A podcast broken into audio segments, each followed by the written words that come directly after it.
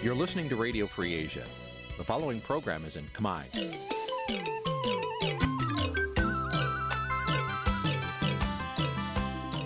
នេះជាកម្មវិធីផ្សាយ Vuthu Azizi Serai នេះជាកម្មវិធីផ្សាយរបស់ Vuthu Azizi Serai ជាភាសាខ្មែរ Vuthu Azizi Serai សូមស្វាគមន៍លោកអ្នកនាងទាំងអស់ពីរដ្ឋធានី Washington នៃសហរដ្ឋអាមេរិក ចាប់ពីរដ្ឋធានី Washington នាងខ្ញុំម៉ៅសុធានីសូមជម្រាបសួរលោកអ្នកស្ដាប់ទាំងអស់ជាទីមេត្រី ចាយើងខ្ញុំសូមជូនការផ្សាយសម្រាប់ព្រឹកថ្ងៃអាទិត្យ3រោចខែបោះឆ្នាំថោះបញ្ញស័កពុទ្ធសករាជ2567ហើយដល់ត្រូវនៅថ្ងៃទី28ខែមករាគ្រិស្តសករាជ2024ជាដំបូងនេះសូមអញ្ជើញលោកអ្នកនាងកញ្ញាស្ដាប់ព័ត៌មានប្រចាំថ្ងៃដែលមានមេត្តាដូចតទៅ ពលករនៅប្រទេសថៃថាមន្ត្រីបកកណ្ដាលអំណាចគៀងគោពួកគាត់ឲ្យមកទទួលលោកហ៊ុនម៉ាណែតដើម្បីបិទបាំងភាពអាម៉ាស់អ្នកខ្លំមើលថារដ្ឋាភិបាលគួរចំណាយប្រាក់ជួយពលរដ្ឋក្រីក្រជាជាងជ្រើសរើសកងអង្គរៈបន្ថែមប រដ្ឋនៅតំបន់រុនតាឯកក្រុងនាំគ្នាតវ៉ាជាថ្មី បើរដ្ឋាភិបាលមិនប្រើប្រាស់ដែលកាត់វិបត្តិសមត្ថភាពដល់ពួកគាត់វិញយុវជនរងគ្រោះពីគ្រឿងញៀនស្នើដល់យុវជនឲ្យជៀសឆ្ងាយពីគ្រឿងញៀនរួមនឹងព័ត៌មាន សំខាន់សំខាន់មួយចំនួនទៀតចាត់ជាបន្តទៅទៀតនេះនាងខ្ញុំម៉ៃសុធានីសូមជូនព័ត៌មានទាំងនោះពឺស្ដាប់ ចាលោកនានីជាទីមេត្រីក្រមពលករនៅប្រទេសថៃលើកឡើងថាមន្ត្រីបកកណ្ដាលអំណាចដែលគៀងគោពួកគាត់ឲ្យទៅទទួលស្វាគមន៍លោកនាយករដ្ឋមន្ត្រីហ៊ុនម៉ាណែតនៅពេលមកធ្វើទស្សនកិច្ចនៅប្រទេសថៃនៅដើមខែកុម្ភៈចាលោកច័ន្ទដារ៉ូរីកាអំពីរឿងនេះក្រុមកម្មការលើកឡើងថាមន្ត្រីគណៈបកប្រជាជនកម្ពុជា កំពុងធ្វើយុទ្ធនាការគៀងគរកម្មករនិងនិស្សិតខ្មែរនៅថៃ ដើម្បីថតរូបបង្ហោះនៅលើបណ្ដាញសង្គមកេងចំណេញនយោបាយពួកគេថាសមាជិកគណៈបកកណ្ដាលអំណាចទាំងនោះអូសទាញតាមរយៈរៀបចំកម្មវិធីជប់លៀងស៊ីផឹកសន្យាផ្ដល់លុយនិងជួយសម្រួលលិខិតស្នាមជាដើម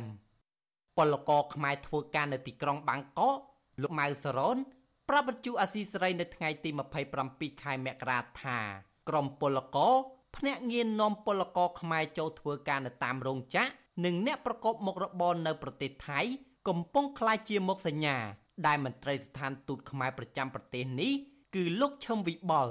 និងអុកញ៉ាលេងប្រុសដើរអូសទាញពួកគេឲ្យទទួលស្វាគមន៍លោកហ៊ុនម៉ាណែតលោកបន្តថាអ្នកខ្លះយល់ព្រមដោយបង្ខំចិត្តដោយសារពួកគេមិនពេញចិត្តនឹងទង្វើរបស់រដ្ឋាភិបាលកម្ពុជាកន្លងមកតែងតែយកទូនីតិរដ្ឋបំរើឲ្យគណៈបកកណ្ដាលអំណាចជាជាងការពៀផលប្រយោជន៍ និងដោះស្រាយទុកលំបាករបស់កម្មករមានមនុស្សចូលរួមលោកហ៊ុនម៉ាណែតថ្ងៃនឹងឲ្យបានរូបភាពជាច្រើនអញ្ចឹងណាព្រោះយកទៅបង្អួចខ្មែរយើងនៅក្នុងស្រុកភាគភាគច្រើនពលករខ្មែរយើងនៅប្រទេសថៃនេះគឺចំនួនច្រើនជាងគេគឺទាំងបង្ខំគេក៏គេស្អប់គេធ្វើមករបបនឹងដែរប៉ុន្តែធ្វើម៉េចឲ្យតែមកគ្រាមកគ្រាសិនណាស្រដៀងគ្នានេះដែរកម្មករម្នាក់ទៀតលោកស្រីស្ងួនសុខុមថ្លែងថា រោងចក្រសាច់មាន់នៅជាទីក្រុងបាងកកដែលអ្នកស្រីនិងមិត្តភ័ក្តិកំពុងធ្វើការក៏មានតំណាងគណៈបកប្រជាជនកម្ពុជាចូលទៅគៀងគរកម្មករឲ្យទទួលលោកហ៊ុនម៉ាណែតថានឹងទទួលបានមកវិញ នៅប្រាក់300បាតឬច្រើនជាងនេះទៅតាមទីកន្លែងធ្វើការព្រមទាំងប៉ាវលើថ្លៃធ្វើដំណើរនិងហូបចុកផង អ្នកស្រីបញ្ជាក់ថា អ្នកស្រីនឹងមិនចូលរួមកម្មវិធីគ្រាន់តែលើកមុខមាត់មេដឹកនាំតែនៅក្រៅខ្នងធ្វើបាបពលរដ្ឋនោះទេ ប៉ុន្តែអ្នកស្រីនឹងត្រៀមធ្វើបាតកម្មវិញដោយមិនអង្គុយចាំស្ដាប់លោកហ៊ុនម៉ាណែតនិយាយអួតគ្មានការពិតគាត់មិនត្រូវការលុយពុកឲ្យលួយលុយបំផ្លាញជាតិលក់ជាតិនឹងបែរជាមកដើរហឺហានៅប្រទេសគេឲ្យបំផ្លាញជាតិខ្លួនអញ្ចឹងព្រោះខ្ញុំមិនត្រូវការដែលមកធ្វើការប្រទេសគេត្រូវព្រាត់ប្រាសទេព្រោះខ្ញុំត្រូវការនៅប្រទេសខ្ញុំដែរតែនាយករដ្ឋមន្ត្រីបានតែនិយាយបានតែសន្យាធ្វើមិនបានលោកនាយករដ្ឋមន្ត្រីហ៊ុនម៉ាណែតក្រុងទៅបំពេញទស្សនកិច្ចនៅទីក្រុងបាងកកប្រទេសថៃ នៅដើមខែកុម្ភៈខាងមុខដើម្បីជជែកអំពីកិច្ចសហប្រតិបត្តិការទ្វេភាគីជាមួយនាយករដ្ឋមន្ត្រីថៃក្នុងវិស័យពាណិជ្ជកម្មនិងបញ្ហាព្រំដែនវិទ្យុអាស៊ីស្រីមិនទាន់អាចតាក់ទងប្រធានអង្គភិបអ្នកណែនាំពាក្យរដ្ឋាភិបាលលោកប៉ែនបូណានិងមន្ត្រីអនុព័ន្ធការងារអមស្ថានទូតខ្មែរប្រចាំទីក្រុងបាងកកលោកឈឹមវិបុលដើម្បីសាកសួរជុំវិញរឿងនេះបានទេនៅថ្ងៃទី27ខែមករាប៉ុន្តែ អ្នកនាំពាក្យគណៈបកប្រជាជនកម្ពុជាលោកសុកអេសានប្រាប់បញ្ជូអាស៊ីសេរីថាដំណើរទស្សនកិច្ចរបស់លោកហ៊ុនម៉ាណែតនឹងជួបជាមួយគណៈកម្មការរស់នៅប្រទេសថៃដើម្បីបង្ហាញអំពីសភាពការពិតនៅកម្ពុជា និងអាចដោះស្រាយសំណើរបស់កម្មករផងដែរ ជាយើងមានសន្តិភាពពេញលេញមានស្ថិរភាពនយោបាយនិងមានសណ្ដាប់ធ្នាប់សាធារណៈសង្គមល្អរាល់ថ្ងៃនេះអត់មានបញ្ហាអីទេអញ្ចឹងទេបានស្ដីថាលទ្ធិប្រជាធិបតេយ្យកំពុងមានការរីកចម្រើននៅកម្ពុជាហើយអត់មានការរំលោភសិទ្ធិមនុស្សទេជុំវិញរឿងនេះមន្ត្រីគម្រោងនៃមជ្ឈមណ្ឌលសម្ព័ន្ធភាពការងារនិងសិទ្ធិមនុស្សរបស់អង្គការសង្ត្រាល់ លោកលឹងសុផុនយល់ឃើញថារដ្ឋាភិបាលកម្ពុជា គួរតែជំរុញរដ្ឋាភិបាលថៃឲ្យគោរពសិទ្ធិការងារបញ្ចូលតម្លៃធ្វើបានការងារដែលជាកង្វល់រួមរបស់កម្មករខ្មែរជាជាងបង្ខំឲ្យពលករនិងភ្នាក់ងារនាំពលករចូលរួមកម្មវិធីជួបជុំ បើសិនជារដ្ឋាភិបាលមកហើយមានការដំណោះស្រាយឬក៏លើកយកចំណុចល្អល្អសម្រាប់ពលករខ្មែរយើង ដែលគាត់កំពុងធ្វើការនៅថៃដោះស្រាយជាមួយរដ្ឋាភិបាលជាមួយនឹងរដ្ឋាភិបាលអញ្ចឹងថាយើងគួរតែដោះស្រាយធ្វើវិធីបែបណា ដើម្បីឲ្យមានការប្រសើរជាងបច្ចុប្បន្នណាហើយយើងដឹងស្រាប់ហើយថានៅពេលបច្ចុប្បន្ននេះពលករនៅថៃបើយើងនិយាយអត់ទេវាជិត2លាននាក់ហើយកំពុងតែមានបញ្ហានិងបញ្ហាប្រឈមអីផ្សេងផ្សេងជាច្រើនក្រុមពលករខ្មែរធ្វើការនៅក្រៅប្រទេសមួយចំនួនឲ្យដឹងថាមន្ត្រីរដ្ឋាភិបាលកម្ពុជា មិនសូវយកចិត្តទុកដាក់គិតគូរអំពីសុខទុក្ខពលករដោយរដ្ឋាភិបាលប្រទេសផ្សេងនោះទេប៉ុន្តែមន្ត្រីស្ថានទូតនិងក្រុមការងារក្រសួងការងារបានធ្វើយុទ្ធនាការនិងមកអូសទាញពលករនិងពលរដ្ឋខ្មែររស់នៅក្រៅប្រទេសឲ្យចូលរួមគាំទ្រគណៈបកប្រជាជនកម្ពុជាខ្ញុំបាទ ច័ន្ទដារោវុទ្ធុអាស៊ីសេរីចាលោកនានីជាទីមេត្រីពាក់ព័ន្ធនឹងការជ្រើសរើសកងអង្គរៈជាង100នាក់បន្ថែមទៀតសម្រាប់ការពារលោកនាយករដ្ឋមន្ត្រីហ៊ុនម៉ាណែតនេះអ្នកខ្លំមើលនយោបាយនិងមន្ត្រីបពប្រឆាំងរិះគន់ថាគឺជាការខ្ជះខ្ជាយថាវការជាតិពួកគេក៏បានស្នើទៅរដ្ឋាភិបាលគួរយកថាវការជាតិទៅដោះស្រាយបញ្ហារបស់បរដ្ឋក្រីក្រល្អជាង លើការចំណាយក្នុងការជ្រើសរើសអង្គរៈបន្ថែម ជាប្រធានាធិបតី Washington លោកសេកបណ្ឌិតរាយការណ៍ព័ត៌មាននេះអ្នកអត្ថាធិប្បាយនយោបាយយល់ថាការជ្រើសរើសកងអង្គរៈបន្ថែមនៅពេលនេះគឺដើម្បីបំពេញបន្ថែមនៅកងអង្គរៈចាស់ដែលអតីតនាយករដ្ឋមន្ត្រីលោកហ៊ុនសែនទុកចិត្តហើយដកចេញដោយដាក់ជំនួសមកវិញនៅកម្លាំងថ្មីលោកកឹមសុខបន្តថាក្រមអង្គរៈជាកងកម្លាំងស្នូលសំខាន់មួយ ក្នុងការជួយការពារអំណាចក្រមគ្រួសារលោកហ៊ុនសែន។ តាមខ្ញុំដឹងកន្លងមក អ្នកដែលគេមិនទុកចិត្តគេដកចេញពីក្រមអង្គរៈដោយបញ្ជូនទៅអង្គភាពផ្សេងផ្សេងទៅក្របខ័ណ្ឌក្រសួងការពារជាតិក្នុងស្ថាប័នផ្សេងទៀតហើយគេរើសអ្នកថ្មីដែលគេយកបណ្ដុះបណ្ដាលពិនិត្យមើលអាចទុកចិត្តបានឲ្យនៅក្នុងកងអង្គរៈទោះបីជាអ្នកបណ្ដុះបណ្ដាលថ្មីក៏ដោយប្រសិនបើគេមិនទុកចិត្តបណ្ដុះបណ្ដាលហើយគេមានវិធីរបស់គេក្នុងការរុញចេញពីក្រមអង្គរៈហ្នឹង ការលើកឡើងនេះក្រោយពេលលោកនាយករដ្ឋមន្ត្រីហ៊ុនម៉ាណែតចេញសេចក្តីសម្រេចកាលពីថ្ងៃទី23ខែមករាឲ្យក្រសួងការពារជាតិជ្រើសរើសពលទាហានថ្មីចំនួន111នាក់បន្ថែមសម្រាប់បំពេញក្របខ័ណ្ឌឲ្យបញ្ជាការដ្ឋានអង្គរៈបញ្ជាការដ្ឋានអង្គរៈត្រូវបានបង្កើតឡើងកាលពីថ្ងៃទី4ខែកញ្ញាឆ្នាំ2009ហើយបែងចែកជាច្រើនផ្នែកនិងជាកងឯកភាពផ្សេងផ្សេងក្នុងនោះរួមមានផ្នែកអន្តរាគម ផ្នែកយុទ្ធសាស្ត្រសង្គ្រោះពេទ្យសិល្បៈនិងកសិកម្មជាដើមមេដឹកនាំបញ្ជាការដ្ឋាននេះតែងតែអួតអាងពីភារកិច្ចស្នូលរបស់ខ្លួន គឺការពារសន្តិសុខសวัสดิភាពជូនប្រមុខរដ្ឋាភិបាលភរិយា និងសាច់ញាតិរបស់រដ្ឋាភិបាលជុំវិញរឿងនេះដែរមន្ត្រីជាន់ខ្ពស់គណៈបកសង្គ្រោះជាតិដែលកំពុងរស់នៅប្រទេសអូស្ត្រាលី លោកជាជីវថានេះជាការចំណាយបន្ទុកថវិការដ្ឋបន្ថែម ដើម្បីការពារគ្រួសារលោកហ៊ុនសែនលោកបន្តថាការជ្រើសរើសកងអង្គរៈបន្ថែមនៅពេលនេះទំនងជាលោកហ៊ុនសែនបារម្ភពីសវត្ថិភាពរបស់គ្រួសារត្រកូលហ៊ុនទៅរដ្ឋាភិបាលចំណាយថវិកាជាតិបែបនេះមន្ត្រីគណៈបកប្រឆាំងរូបនេះចង់ឃើញរដ្ឋាភិបាល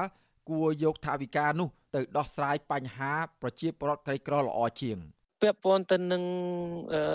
ស្ថាប័នអង្គរៈនឹងខ្ញុំឃើញថាវាអត់មានសារៈប្រយោជន៍ដើម្បីបំរើស្ថាប័នរាជរដ្ឋាភិបាលអីនោះទេគ្រាន់តែ សម្រាប់តែការពារដល់គ្រួសារត្រកូលហ៊ុននិងខ្សែស្រឡាយសាច់ញាតិក្រុមគ្រួសារហ៊ុនសែនតែប៉ុណ្ណោះបាទជុំវិញរឿងនេះវត្តជូអាស៊ីសេរី នៅពុំទាន់អាចសុំការបកស្រាយពីអ្នកនាំពាក្យក្រសួងការពារជាតិលោកឈុំសុជាតិនិងមេបញ្ជាការដ្ឋានកងអង្គរៈរបស់លោកហ៊ុនសែននិងជាអគ្គមេបញ្ជាការរងនៃកងយុទ្ធពលខេមរៈភូមិន្ទលោកហ៊ីងប៊ុនហៀងបាននៅឡើយទេនៅថ្ងៃទី27មករាចំណែកអ្នកនាំពាក្យគណៈបកប្រជាជនកម្ពុជាលោកសុកអេសានសូមមិនឆ្លើយតបលើរឿងនេះទេអ្នកខ្លោបមើលរិះគន់ថា បញ្ជាការដ្ឋានកងអង្គរៈជាអង្គភាពការពីអំណាចឲ្យលោកហ៊ុនសែននិងក្រុមគ្រួសារជាជាងបំរើដល់ផលប្រយោជន៍ជាតិពិតប្រាកដនោះកាលពីចុងឆ្នាំ2015ក្រុមកងអង្គរៈរបស់លោកហ៊ុនសែន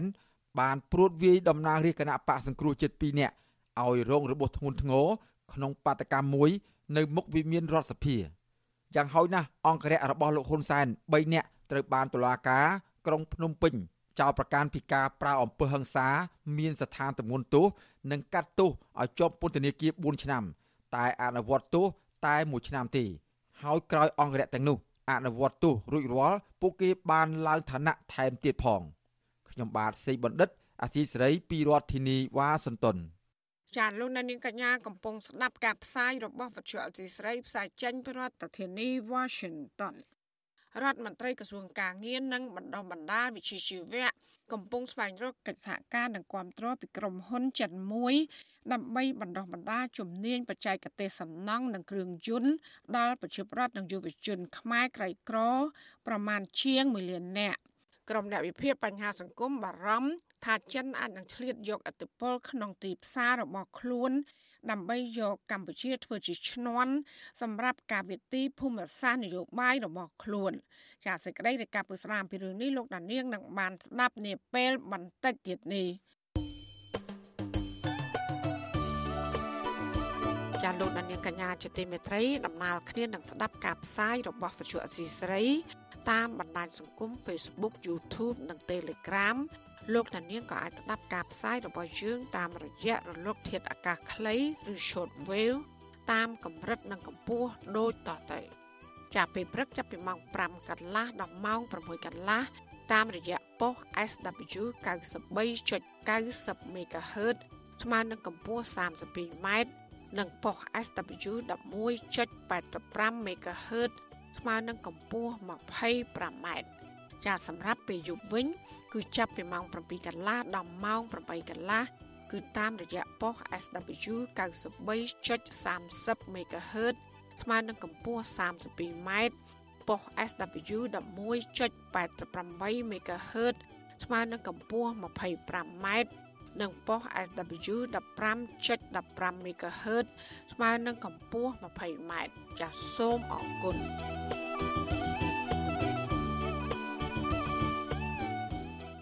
ចាលោកដានីងជាទីមេត្រីនៅឯខេត្តសៀមរាបអនុវិញប្រជាពលរដ្ឋតំបន់រុនតាឯកជាង2000នាក់ក្រុងនាំគ្នាតវ៉ាជាថ្មីប៉ះសិនបារដ្ឋាភិបាល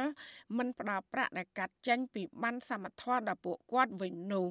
មន្ត្រីរដ្ឋបាលរនតាឯកនិងសង្គមស៊ីវិលយល់ស្របនឹងការទៀមទារបស់ពលរដ្ឋចាកញ្ញាខាន់លក្ខណារិកាជំវិញព័ត៌មាននេះ ប្រជាពលរដ្ឋរស់នៅតំបន់រុនតាឯកគ្រងនឹងនាំគ្នាតវ៉ាជាថ្មីនៅសប្តាហ៍ក្រោយបើរដ្ឋាភិបាលលោកហ៊ុនម៉ាណែតនៅតែមិនផ្ដល់ប្រាក់ដែលកាត់ពីបានសមត្ថៈឲ្យពួកគាត់ជាង6000គ្រួសារវិញប្រជាពលរដ្ឋតាំងចិត្តបន្តការតវ៉ាបន្ទាប់ពីអាជ្ញាធរតំបន់រុនតាឯកនិងប្រជាពលរដ្ឋរងគ្រោះបានជួបជជែកគ្នាប៉ុន្តែអាជ្ញាធរនៅតែបណ្ដោះស្រាយជូនពលរដ្ឋដោយការសន្យារបស់អតីតនាយករដ្ឋមន្ត្រីកន្លងមក នៅថ្ងៃទី27មករាប្រជាពលរដ្ឋរស់នៅតំបន់រុនតាឯកជាង2000នាក់បានជួបជាមួយរដ្ឋបាលខេត្តសៀមរាបដូចជាមន្ត្រីសង្គមគិច្ចព្រមទាំងអភិបាលស្រុកបន្ទាយស្រីលោករិនឡូតរយៈពេលកន្លះម៉ោងនៅផ្សាររុនតាឯថ្មីដើម្បីស្វែងរកដំណោះស្រាយរឿងរដ្ឋាភិបាលកាត់ប្រាក់បានសមត្ថភាពពីពួកគាត់ចំនួន20ទៅ30ម៉ឺនរៀលក្នុងមួយគ្រួសារឬកាត់យ៉ាងតិចពាក់កណ្ដាលក្រោមហេតុផលថា យកប្រាក់នោះទៅជួយអ្នករៀនជំនាញផ្សេងៗប៉ុន្តែជំនួបដ៏ខ្លីនេះពុំមានលទ្ធផលល្អទេពលរដ្ឋរស់នៅតំបន់រុនតាឯកលោកស្រីណែមនារីប្រាប់វិសុអាស៊ីសេរីនៅថ្ងៃទី27មករាថាលោកស្រីមិនសុខចិត្តដាច់ខាតពីព្រោះឧបត្ថម្ភមិនទាន់បាន2ឆ្នាំផង មានការប្រែប្រួលបែបនេះធ្វើឲ្យប្រជាពលរដ្ឋរស់នៅតំបន់រុនតាឯករងគ្រោះធ្ងន់ធ្ងរបើបងប្អូនដឹងថាការចោះឈ្មោះរៀនជំនាញ មានការកាត់លុយបានសមត្ថភាពក៏គាត់អត់រៀងដែរដោយសារអីកាត់លុយគាត់ដែរហ្នឹងចុះឥឡូវលុយគាត់ឲ្យបាន60ម៉ឺន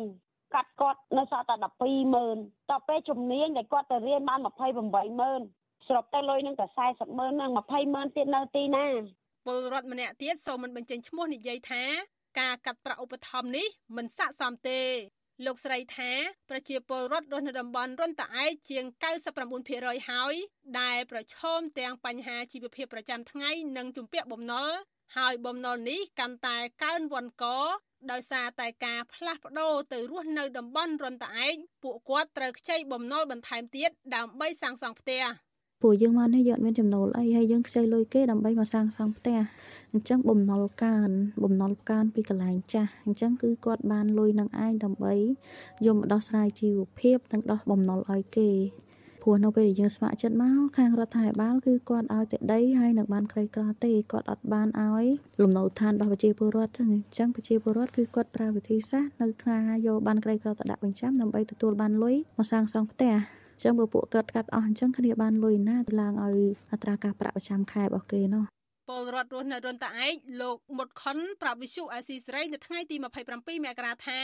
ពួកគាត់គ្រងនឹងនាំគ្នាប្រមូលផ្ដុំជាថ្មីទៀតដែលអាចនឹងឡើងទៅតវ៉ាដល់ខេត្តពីព្រោះសប្តាហ៍ថ្ងៃពួកគាត់រស់នៅតំបន់រុនតាឯករកចំណូលមិនបានដូច្នេះបើរដ្ឋាភិបាលកាត់ប្រាក់ពីបានសមត្ថភាពដោយកាត់ផ្តាច់ជីវិតរបស់ពួកគាត់ទាំងអស់គ្នាហើយឥឡូវនេះគឺការខ្វះខាតវាច្រើនហើយណាមួយវាអត់មានការងារធ្វើ ជីវរដ្ឋមកដល់នេះខ្វះខាតខ្លះរោផ្ទះនៅមិនបានហ៎ខ្លះនោះក៏បានផ្ទះការសំណាំដាំដុះក៏អត់មានហើយណាមួយកន្លែងនេះយើងអត់មានអីរយធ្វើអញ្ចឹងអត់លុយជួបចាំថ្ងៃអត់មានពឹងលើអីបានធម្មធម៌នឹងអាយកលគាត់ស្ដាយទាំងទៀតបងប្អូនប្រជាពលរដ្ឋនេះខ្លះនឹងអត់អត់តែមែនទេមិនអត់ធម្មតាទេអត់តែមែនទេ វិទ្យុអស៊ីស្រីមិនអាចសូមការអធិប្បាយបញ្ហានេះពីអភិបាលខេត្តសៀមរាបលោកប្រាក់សុភ័ណ្ឌនិងប្រធានអង្គភិបអ្នកណែនាំពាក្យរដ្ឋាភិបាលលោកប៉ែនបូណាបានទេនៅថ្ងៃទី27មករាដោយទូរស័ព្ទចូលគ្មានអ្នកទទួលយ៉ាងណាមន្ត្រីឃុំរុនតាឯកម្នាក់ដែលសូមមិនបញ្ចេញឈ្មោះនិងសម្លេងប្រាប់វិសុអស៊ីសេរីនៅថ្ងៃទី27មករាថា លោកក៏យល់ស្របនឹងការតវ៉ារបស់ប្រជាពលរដ្ឋដែរពីព្រោះចំណាត់ការចុងក្រោយនេះរបស់អាជ្ញាធរផ្ទុយពីការសន្យារបស់អតីតនាយករដ្ឋមន្ត្រីលោកហ៊ុនសែនអ្នកសម្របសម្រួលគម្រោងធុរកិច្ចនិងសិទ្ធិមនុស្សរបស់មជ្ឈមណ្ឌលសិទ្ធិមនុស្សកម្ពុជាលោកវ៉ាន់សុផាតយល់ថាការប្រមូលផ្ដុំរបស់ប្រជាពលរដ្ឋដើម្បីទាមទារដំណោះស្រាយគឺជាភាពត្រឹមត្រូវនិងស្របច្បាប់ហើយរដ្ឋាភិបាលមានទូនាទីកិត្តគូដោះស្រាយដោយមានតម្លាភាព លោកថាបើមានការសម្រេចថ្មីណាមួយរដ្ឋាភិបាលគួរណាស់ប្រាប់ប្រជាពលរដ្ឋឲ្យដឹងជាមុនថាតើពលរដ្ឋយល់ព្រមឬអត់ ស្រាប់នៅស្ងាត់ស្ងាត់ស្រាប់ថាកាត់ត្រូវកាត់យកទៅឲ្យគ្រូដើម្បីបង្រៀនវិជ្ជាជីវៈបង្រៀនខាងផ្នែកបច្ចេកទេសស្អីណាស្អីទេអានោះវាអត់សមហេតុសមផលសោះហើយបានសមធម៌នោះវាអត់ត្រូវមានលក្ខខណ្ឌអីដែលត្រូវថាដកពីនឹងយកទៅចំណាយក្នុងកម្មវិធីអីផ្សេងទៀតទេបើតាមខ្ញុំដឹងគឺថាតាបានសមធម៌គឺសមធម៌ត្រូវផ្ដល់ជូនជាពលរដ្ឋរយៈពេលប្រហែលឆ្នាំនេះអាហ្នឹងត្រូវអនុវត្តឲ្យគ្រប់លក្ខខណ្ឌរបស់គាត់ ពលរដ្ឋអះអាងថាអាញាធរសូមពេលមួយសប្តាហ៍ដើម្បីឆ្លើយតបទៅនឹងការទៀមទារបស់ប្រជាពលរដ្ឋប៉ុន្តែពលរដ្ឋមិនព្រមហើយឲ្យអាញាធរឆ្លើយតបយ៉ាងយូរបំផុតត្រឹមថ្ងៃទី29មករាបើមិនដូច្នោះទេ ពួកគាត់នឹងឡើងទៅតវ៉ាដល់អាញាធរខេត្តខ្ញុំខណ្ឌលក្ខណាវុទ្ធុអាស៊ីសេរីចាលោកនានីជាទីមេត្រីពាក់ព័ន្ធនឹងវិធានការចោះត្រួតពិនិត្យ កម្រិតជាតិស្រាដល់អ្នកបើកបរតាមផ្លូវវិញ មន្ត្រីសង្គមស៊ីវិលនិងប្រសង់យល់ឃើញថារដ្ឋាភិបាល គួរតែរឹតបន្តឹងការផ្សព្វផ្សាយពាណិជ្ជកម្មគ្រឿងស្រវឹងបន្ថែមទៀតទើបមានប្រសិទ្ធភាពពួកគាត់ក៏ជំរុញឲ្យរដ្ឋាភិបាលចុះអនុវត្តវិធានការត្រួតពិនិត្យជាតិអកុលនេះឲ្យមានតម្លាភាពជាវិងមន្ត្រីមួយចំនួនឆ្លៀតយកឱកាសរកផលប្រយោជន៍ពីការអនុវត្តច្បាប់ ចានេះគឺជាសកម្មភាពរបស់លោកថាថៃជំវិញព័ត៌មាននេះព្រះសង្ឃនិងប្រជាពលរដ្ឋយល់ឃើញថាការចុះពិនិត្យជាតិអកុលលើអ្នកបើកបរស្របពេលដែលការផ្សាយពាណិជ្ជកម្មស្រាបៀរនៅតែបន្តបែបនេះបង្ហាញថាការពង្រឹងច្បាប់ចរាចរណ៍របស់រដ្ឋាភិបាលគឺគ្រាន់តែធ្វើឲ្យល្អមើលនិងខ្វះឆន្ទៈក្នុងការកាត់បន្ថយគ្រោះថ្នាក់ចរាចរណ៍ព្រះសង្ឃមួយអង្គគង់នៅខេត្តបាត់ដំបងប្រដេកព្រះគុណឡៃឡោមានធរណីការប្រពន្ធអាស៊ីសេរីនៅថ្ងៃទី27មករាថារដ្ឋាភិបាលនិងអ្នកសិល្បៈ គូធ្វើជាគំរូនឹងចូលរួមទប់ស្កាត់ការផ្សព្វផ្សាយគ្រឿងស្រវឹងដោយប្រៀបធៀបថាតើអាយុជីវិតរបស់ប្រជាពលរដ្ឋនិងកម្រៃពាណិជ្ជកម្មឬពន្ធដែលបានមកពីក្រុមហ៊ុនស្រាបៀរមួយណាមានតម្លៃជាងចុះពួកប្រគំតន្ត្រីហើយយុវវ័យមិនជួយចិត្តពួក idol ពួកអីនោះ idol វាផ្សព្វផ្សាយវាឃើញនឹងហើយមិនចឹងលើយើងទៅកាលណាលើកទឹកចិត្តវាបានចិត្តកាលណាយើងមិនសូវបើកមិនសូវលើកទឹកចិត្តទេវាអត់សូវបានចិត្តប៉ុណ្ណឹងហើយ ការលើកឡើងនេះគឺបន្ទាប់ពីអគ្គស្នងការនគរបាលជាតិគឺលោកសថេតបានដាក់ចេញនៅយុទ្ធនាការត្រួតពិនិត្យអ្នកបើកបរដែលមានសារធាតុស្រវឹងនៅតាមដងផ្លូវសំខាន់សំខាន់ក្នុងរាជធានីភ្នំពេញនិងខេត្តដែលមានអត្រាគ្រោះថ្នាក់ចរាចរណ៍ច្រើន ចាប់ពីម៉ោង9ដល់ម៉ោង10យប់ទៅ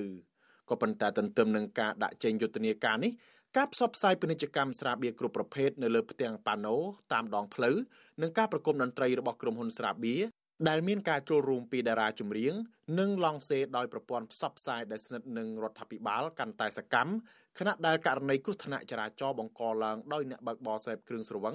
បានកើតឡើងជាបន្តបន្ទាប់ក្នុងនោះករណីគ្រោះថ្នាក់ចរាចរណ៍ដ៏រន្ធត់មួយបានកើតឡើងនៅថ្ងៃទី20ខែមករានៅស្ពានអាកាសរិស័យកែវបង្កឡើងដោយមន្ត្រីក្រសួងសេដ្ឋកិច្ចម្នាក់នៅក្នុងស្ថានភាពស្រវឹងបើកបររថយន្ត Ford បុករះរថយន្តនិងម៉ូតូជាច្រើនគ្រឿងបណ្ដាលឲ្យស្លាប់មនុស្សចំនួន4នាក់និងច្រើនអ្នកទៀតរងរបួសដេកសន្លប់រប៉ាត់រប៉ាយពេញផ្លូវបន្ទាប់ពីកើតហេតុគ្រោះថ្នាក់ចរាចរណ៍ដ៏រន្ធត់នេះហើយលោកនាយករដ្ឋមន្ត្រីហ៊ុនម៉ាណែតកាលពីថ្ងៃទី23មករាក៏បានបញ្ជាឲ្យអាជ្ញាធររដ្ឋបន្តឹងការត្រួតពិនិត្យជាតិអាល់កុលនៅពេលយប់ឡើងវិញដើម្បីកុំឲ្យមានសកម្មកម្មបែបនេះកើតឡើងទៀតសោតយុទ្ធកម្មណាស់ទីហោអារឿងស្អីថ្ងៃមុននេះអត់មានពីណាចង់ទេសំបីអ្នកបើក៏មិនចង់ដែរប៉ុន្តែអានឹងវាក្នុងខ្លួនអញ្ចឹងត្រូវធ្វើម៉េចទប់អានឹងកុំឲ្យវាចូលខ្លួនហើយទៅបើកបរទៅអត់ពីអត់ពីពង្រឹងច្បាប់ពង្រឹងការត្រួតពិនិត្យអានឹងបើទោះបីជាលោកហ៊ុនម៉ាណែតទទួលស្គាល់ថាគ្រោះថ្នាក់ចរាចរណ៍ភាគច្រើន បង្កឡើងដោយសារអ្នកបើកបរសេពគ្រឿងស្រវឹងក្តីក៏លោកមិនបានលើកឡើងពីវិធានការចំពោះការសបផ្សាយពាណិជ្ជកម្មគ្រឿងស្រវឹងដែលជាឫសគល់បង្កឲ្យមានគ្រោះថ្នាក់នេះឡើយវិទ្យុអាស៊ីសេរីមិនអាចតាកតងអគ្គស្នងការរងនិងជាអ្នកនាំពាក្យអគ្គស្នងការដ្ឋាននគរបាលជាតិលោកឆៃកំខឿន ដើម្បីសុំការបកស្រាយជុំវិញរឿងនេះបានទេនៅថ្ងៃទី27ខែមករាកាលពីថ្ងៃទី9ខែមករាក្រសួងពលរដ្ឋមានបានចេញលិខិតហាមមិនឲ្យផ្សព្វផ្សាយពាណិជ្ជកម្មគ្រឿងស្រវឹងតាមរយៈការផ្ដល់រង្វាន់និងហាមយកស្ត្រីនិងអនិច្ចជនក្រោម18ឆ្នាំមកផ្សព្វផ្សាយពាណិជ្ជកម្មនិងត្រូវឲ្យផ្សព្វផ្សាយពាណិជ្ជកម្មគ្រឿងស្រវឹងទាំងអស់ត្រូវដាក់សារព្រមានថាពិសាគ្រឿងស្រវឹងសូមកុំបើកបរឬពិសាដោយមានការទទួលខុសត្រូវពិសាគ្រឿងស្រវឹងប៉ះពាល់ដល់សុខភាពជាដើម ក៏ប៉ុន្តែមកទល់ពេលនេះការផ្សព្វផ្សាយពាណិជ្ជកម្មគ្រឿងស្រវឹងនៅតែកក្រឹកកក្រែងដដែលជុំវិញរឿងនេះប្រធានអង្គការអប់រំយុវជនដើម្បីអភិវឌ្ឍនិងសន្តិភាពលោកវូពៅយល់ឃើញថាវិធានការនេះមិនអាចទប់ស្កាត់ករណីគ្រោះថ្នាក់ចរាចរណ៍បានទាំងស្រុងឡើយដរាបណាការផ្សព្វផ្សាយពាណិជ្ជកម្មផលិតផលគ្រឿងស្រវឹងនៅតែបន្តឯអ្នកទទួលទាននៅតែមានចំនួនច្រើន ជាមួយគ្នានេះ លោកស្នើឲ្យមន្ត្រីអនុវត្តច្បាប់គូរដ្ឋបន្តឹងច្បាប់ចរាចរណ៍ឲ្យមានដំណាភាពដោយមន្ត្រីឆ្លៀតឱកាសយកការអនុវត្តច្បាប់មកធ្វើជាមុខរបរសម្រាប់ផលប្រយោជន៍ខ្លួនឯងឡើយគាត់ធ្វើជាលក្ខណៈត្រង់ត្រេស្របច្បាប់ហើយបែបជាវិធានការហើយតែសំខាន់បើយើងមិនចង់ឲ្យគេធ្វើអីខុសមកលើយើង យើងកុំទៅខ្សែគ្រឿងស្វឹងទៅធម្មតាគេមានអំណាចក្នុងការត្រួតពិនិត្យជាងគេត្រួតពិនិត្យឯង របាយការណ៍ស្នងការដ្ឋាននគរបាលរាជធានីភ្នំពេញឲ្យដឹងថាលទ្ធផលនៃការរឹតបន្តឹងច្បាប់ចរាចរណ៍និងត្រួតពិនិត្យជាតិអាល់កុលនៅថ្ងៃទី25និងថ្ងៃទី26ខែមករានៅរាជធានីភ្នំពេញមានករណីអ្នកបើកបរយានយន្តល្មើសជាតិស្រវឹងចំនួន87គ្រឿងចំណែករបាយការណ៍អគ្គស្នងការដ្ឋាននគរបាលជាតិឲ្យដឹងថាករណីគ្រោះថ្នាក់ចរាចរណ៍នៅទូទាំងប្រទេស គិតពីថ្ងៃទី1ដល់ថ្ងៃទី21ខែមករាមានករណីគ្រោះថ្នាក់ចរាចរណ៍កើតឡើងចំនួនជិត200ករណីបណ្ដាលឲ្យមានអ្នករងរបួសជាង300នាក់និងស្លាប់80នាក់ដែលគ្រោះថ្នាក់ទាំងនេះបណ្ដាលមកពីការបើកបរល្មើសល្បឿនល្មើសច្បាប់និងគ្រឿងស្រវឹងមន្ត្រីសង្គមស៊ីវិលនិងប្រសង់ស្នើឲ្យរដ្ឋាភិបាលអនុវត្តច្បាប់ចរាចរណ៍ឲ្យបានជាក់លាក់ជាប់ជាប្រចាំនិងរឹតបន្តឹងការផ្សព្វផ្សាយគ្រឿងស្រវឹង ដែលជាមូលហេតុនាំឲ្យមានករណីគ្រោះថ្នាក់ចរាចរណ៍ដើម្បីធានាថារដ្ឋាភិបាលពិតជាបានគិតគូរពីសុខុមាលភាពប្រជាពលរដ្ឋជាជាងទុកឲ្យគ្រឿងស្រវឹងបន្តបំផ្លាញសង្គមកាន់តែខ្លាំងជាងនេះខ្ញុំថាថៃពីទីក្រុងមែលប៊នចាលោកដាននាងកញ្ញាកំពុងស្ដាប់ការផ្សាយរបស់វិទ្យុអសីស្រីផ្សាយចេញពីរដ្ឋធានី Washington យុវជនប្រើប្រាស់គ្រឿងញៀនមួយចំនួននៅខេត្តបាត់ដំបងស្នើដល់យុវជនដទៃទៀតឲ្យនៅឆ្ងាយពីគ្រឿងញៀនដើម្បីអនាគតខ្លួនឯងក្រុមគូសានិងសង្គមជាតិតើជនរងគ្រោះនៃគ្រឿងញៀនទាំងនោះមានបទពិសោធន៍អ្វីខ្លះបានជាហាម5ដូចនេះចាលោកនាងនឹងបានស្ដាប់សេចក្តីរាយការណ៍ពុស្ដាអំពីរឿងនេះនៅពេលបន្តិចទៀតនេះ ចាលោកដានៀងជាទីមេត្រីក្នុងឱកាសនេះដែរនាងខ្ញុំសូមថ្លែងអំណរគុណដល់លោកដានៀងកញ្ញាទាំងអស់ដែលតែងតែមានភក្ដីភាពចំពោះការផ្សាយរបស់យើងហើយចាត់ទុកការស្ដាប់វិទ្យុអសីសេរីគឺជាផ្នែកមួយនៃសកម្មភាពប្រចាំថ្ងៃរបស់លោកអ្នកការគ្រប់គ្រងរបស់លោកដានៀងនេះហើយដែលធ្វើយើងខ្ញុំមានទឹកចិត្តកាន់តែខ្លាំងថែមទៀតក្នុងការស្វែងរកនិងផ្តល់ព័ត៌មានជូនដល់លោកដានៀង ចាំមានអ្នកស្ដាប់អ្នកទេសនាកាន់តែច្រើនកាន់តែធ្វើយើងខ្ញុំមានភាពស្វាហាប់មួមុតជាបន្តទៀតចាយើងខ្ញុំសូមអរគុណទុកជាមុនហើយក៏សូមអញ្ជើញលោកដានៀងកញ្ញាចូលរួមជំរុញឲ្យសកម្មភាពផ្ដល់ព័ត៌មានរបស់យើងនេះកាន់តែជោគជ័យបន្ថែមទៀតលោកដានៀងអាចជួយយើងខ្ញុំបានដោយគ្រាន់តែចុចចែករំលែកឬ share ការផ្សាយរបស់យើងនេះ នៅលើបណ្ដាញសង្គម Facebook និង YouTube ទៅកាន់មិត្តភ័ក្តិដើម្បីឲ្យការផ្សាយរបស់យើងនេះបានទៅដល់មនុស្សកាន់តែច្រើនចាសសូមអរគុណចាលោកនានីជាទីមេត្រីពាក់ព័ន្ធនឹងប្រព័ន្ធតឡាការនៅកម្ពុជាវិញប្រជាពលរដ្ឋរងគ្រោះដីធ្លីក្រុមកោសាសកម្មជននយោបាយនិងមន្ត្រីខ្លំមើលសិទ្ធិមនុស្ស ចង់ឃើញតឡាការដោះស្រាយបញ្ហាជូនប្រជាពលរដ្ឋគ្រប់គ្រប់រូបប្រកបដោយយុត្តិធម៌និងតម្លាភាព ដោយមិនមែនគិតតែពីចំនួនករណីសំណុំរឿងដែលបានដោះស្រាយនោះទេការលើកឡើងនេះបន្ទាប់ពីប្រធានតុលាការកំពូល សាទរចំពោះការដោះស្រាយរឿងក្តីជូនពលរដ្ឋបានចំនួនច្រើនករណីក្នុងឆ្នាំ2023បើធៀបកាលពីឆ្នាំ2022 ប្រពន្ធសកម្មជនបពប្រឆាំងនិងបរដ្ឋលើកឡើងថាពួកគាត់នឹងប្រត់ទុនខ្សោយ មិនសង្ឃឹមថាទទួលបានយុត្តិធម៌ពិតប្រាកដឡើយប៉ះសិនបើតឡាការកម្ពុជានិងតឡាការថ្នាក់ក្រោមនៅតែមិនបំពេញការងារតាមច្បាប់និងវិជាជីវៈដោយបន្តស្ថិតក្រោមអធិបតេយ្យនយោបាយនិងប្រព្រឹត្តអំពើពុករលួយ។ បរដ្ឋរស់នៅក្បែរបឹងតមោកលោកស្រីសៀដាវីប្រាប់បច្ចុប្បន្នស៊ីស្រីនៅថ្ងៃទី27ខែមករាថាលោកស្រីគ្មានជំនឿលើប្រព័ន្ធយុតិធធថាអាចផ្ដល់ភាពត្រឹមត្រូវជូនដល់លោកស្រីនិងបរដ្ឋទុនខ្សោយបានឡើយលោកស្រីសង្កេតឃើញថាអ្នកមានលុយមានអំណាចតែងតែទទួលបានកិច្ចការពីពីតុលាការដែលខុសប្លែកពីប្រដ្ឋធ្លុតត្រង់តែងតែរងការគំរាមកំហែងចាប់ដាក់ពន្ធនាគារ គឺសមិទ្ធផលនឹងអត់មានសម្រាប់ពួកបងដែលរស់នៅជាប្រជាសហគមន៍សំរោងត្បូងអញ្ចឹងសូមលោកមេត្តាបើកការស៊ើបអង្កេតលើករណីប្រជាពលរដ្ឋនៅសំរោងត្បូងដែលទទួលភាពអយុត្តិធម៌រងបណ្ដឹងពីអាជ្ញាធរខណ្ឌនឹងសូមផ្ដល់យុត្តិធម៌ឲ្យពួកខ្ញុំឲ្យបានទទួលដោយដែលសមិទ្ធផលដែលអស់លោកបានទទួលកាលពីឆ្នាំ2023កន្លងទៅផងដែរប្រតិកម្មរបស់បរដ្ឋរូបនេះ បន្ទាប់ពីតឡាការកំពូល និងមហាអัยការអមតឡាការកំពូល កាលពីថ្ងៃទី26ខែមករាបានប្រពសន្និបាតបុកសរុបលទ្ធផលការងារឆ្នាំ2023និងលើកទិសដៅការងារសម្រាប់ឆ្នាំ2024ប្រធានតឡាការកំពូលលោកជីវកេងបង្ហាញពីមោទនភាពដែលបានទទួលសំណុំរឿងចំនួនជាង2000ករណីក្នុងនោះ ដោះស្រាយសំណុំរឿងប្រមត្តនមានចំនួន ជាង800ករណីហើយសំណុំរឿងរដ្ឋបវេណីវិញ គឺមានចំនួនជាង600ករណីនិងសល់ចំនួនជាង800ករណីដែលមិនទាន់ដោះស្រាយ។ លោកជីកេងបញ្ជាក់ថាការងារដែលតឡាការកម្ពុជាសម្រេចបានក្នុងឆ្នាំ2023ទទួលបានលទ្ធផលរីកចម្រើនក្នុងការដោះស្រាយរឿងក្តី ក្នុងនោះរឿងក្តីគ្រប់ប្រភេទការឡើងចំនួន193ករណីបើធៀបទៅនឹងឆ្នាំ2022 ផ្ទុយពីការលើកឡើងរបស់លោកឈីវកេនេះប្រពន្ធសកម្មជនបពប្រឆាំងដែលកំពុងជាប់ឃុំក្នុងពន្ធនាគារលោកតូចថងគឺលោកស្រីហាញ់សវណ្ណាថ្លែងថាតឡាការកំពូល អនុវត្តច្បាប់គ្មានដំណាភាពដោយកាត់ទោសប្តីលោកស្រីឲ្យជាប់ពន្ធនាគារ2ឆ្នាំទាំងគ្មានកំហុស លោកស្រីបន្តថាក្រៅតែប្រចាប់ប្តីលោកស្រីដាក់ពន្ធនាគារហើយនោះនៅក្នុងពន្ធនាគារក៏មានការរើសអើងអ្នកទោសនយោបាយ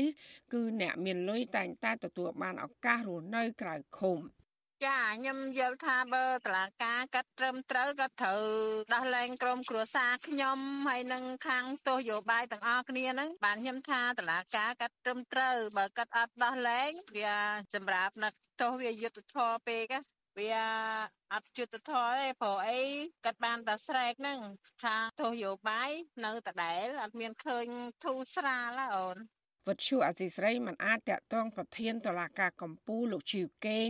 ដើម្បីសុំការឆ្លើយតបជំវិញបញ្ហានេះបានទេនៅថ្ងៃទី27ខែមករាជុំវិញបញ្ហានេះដែរប្រធានសមាគមការពារសិទ្ធិមនុស្សអាត6 លោកនីសុខាក៏សម្គាល់ថាប្រព័ន្ធយុត្តិធម៌នៅកម្ពុជាបច្ចុប្បន្នមិនទាន់ឆ្លើយតបទៅនឹងតម្រូវការរបស់ប្រជាពលរដ្ឋនៅឡើយទេលោកបន្តថាប៉ះសិនបើចង់ឲ្យតឡាការឯករាជ្យគឺទាល់តែតឡាការមិនស្ថិតក្រោមអត្តពលនយោបាយជាពិសេសពុំគួរឲ្យមន្ត្រីក្នុងស្ថាប័នតឡាការមានទួនាទីនៅក្នុងជួរគណៈបកនយោបាយនោះឡើយ យើងមើលសង្កេតឃើញបញ្ហាយើងបច្ចុប្បន្នគឺថាតឡាការនៅមិនទាន់មានឯករាជ្យភាពឲ្យបានត្រឹមត្រូវទៅឡើយទេក្នុងការចាត់វិធានការរឿងក្តីពិសេសគឺរឿងក្តីដែលមានការពាក់ព័ន្ធទៅនឹងរឿងរឿងព្រមត្តនរឿងអីនយោបាយរឿងអីហ្នឹងក៏ថាយើងឃើញថាតឡាការនៅមិនទាន់ឈរទៅលើឯករាជ្យទេដោយសារតែយើងឃើញថាសមាជិកតឡាការមួយចំនួនលោកនៅក្នុងជួរនៃគណៈបកនយោបាយមួយ ប្រព័ន្ធតុលាការនៅកម្ពុជាត្រូវបានគេមើលឃើញថាមិនឯករាជ្យនោះឡើយព្រមមន្ត្រីជាន់ខ្ពស់រាប់ចាប់ពីឧត្តមក្រុមប្រឹក្សានៃអង្គចៅក្រមរហូតដល់ចៅក្រមបរិយាអាញាចៅក្រមស៊ើបសួរនិងសូម្បីតែគណៈមេធាវីភាគច្រើន គឺជាសមាជិករបស់គណៈបកប្រជាជនកម្ពុជា ដែលមានលោកហ៊ុនសែនជាប្រធានគណៈបកជាក់ស្ដែងលោកហ៊ុនសែនបានប្រើប្រាស់ប្រព័ន្ធតុលាការកម្ពុជា ដើម្បីរំលាយគណៈបកសង្គ្រោះជាតិកាលពីឆ្នាំ2017ហើយសកម្មជនបពប្រឆាំងរាប់រយនាក់ត្រូវបានឃាត់ខ្លួននិងកាត់ទោសដាក់ពន្ធនាគារជាបន្តបន្ទាប់របាយការណ៍ស្តីពីសន្ទុះនីតិរដ្ឋប្រចាំឆ្នាំ2022របស់អង្គការគម្រោងយុត្តិធម៌ពិភពលោក បង្ហាញថាកម្ពុជាជាប់ចំណាត់ថ្នាក់អាក្រក់បំផុត រហូតដល់បាតតារាង គឺនៅលេខ139ក្នុងចំណោម140ប្រទេស គឺគ្រាន់បើតែជាងប្រទេសវេណេស៊ុយអេឡាមួយប៉ុណ្ណោះ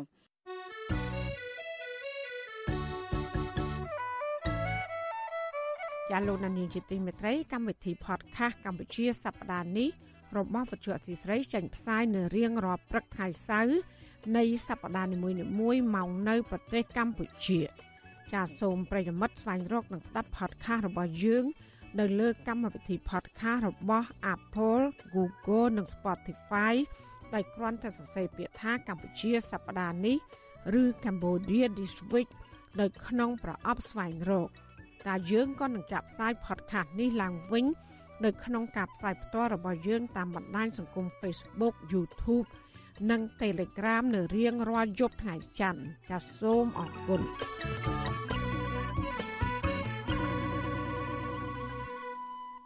ចាលោកនាងជាទីមេត្រីនៅអាខេតពោធិ៍សាត់អនុវិញអាជ្ញាធរខេត្តនេះកំពុងស្វែងរកមធ្យោបាយសង្គ្រោះស្រូវប្រាំងជិត50000ហិកតា កំពុងប្រឈមការខ្វះខាតទឹកបូមបញ្ចូលស្រែស្របពេលដែលស្រូវប្រាំងរបស់កសិករជាង2000ហិកតាទៀតបានងាប់ទាំងស្រុងអភិបាលខេត្តពោធិ៍សាត់ថាសមត្ថកិច្ចនិងអាជ្ញាធរភូមិឃុំដេកចាំនៅវាលស្រែដើម្បីអន្តរាគមន៍ ឲ្យកសិករអាចបូមទឹកដាក់ស្រែស្មើស្មើគ្នាជៀសវាងចំនួនទាស់ទែងចាលោកយ៉ងច័ន្ទរារាយការណ៍ព័ត៌មាននេះអញ្ញាធរខេត្តពោធិ៍សាត់ឲ្យដឹងនៅថ្ងៃទី25មករាថាស្រូវប្រាំងរបស់កសិករជិត50000ហិកតា បានខូចខាតមួយចំនួនហើយដោយសារតែកសិករធ្វើស្រែប្រាំងឆ្ងាយពីប្រភពទឹកដែលអាជ្ញាធរពិបាកនឹងជួយសង្គ្រោះអភិបាលខេត្តពោធិ៍សាត់លោកខូរីដាប្រាប់វិទ្យុអាស៊ីសេរីថា អាជ្ញាធរបានបូមទឹកបញ្ចូលអូប្រឡាយនិងបឹងមួយចំនួនដោយកំណត់ឲ្យកសិករបូមទឹកដាក់ស្រែស្មើស្មើគ្នាលោកថាមន្ទីរកសិកម្មខេត្តពោធិ៍សាត់វាយតម្លៃថាគិតមកដល់ពេលនេះស្រែប្រាំងរបស់កសិករនៅក្នុងស្រុកបាកាន និងស្រុកកណ្ដៀងទំហំជាង2000ហិកតា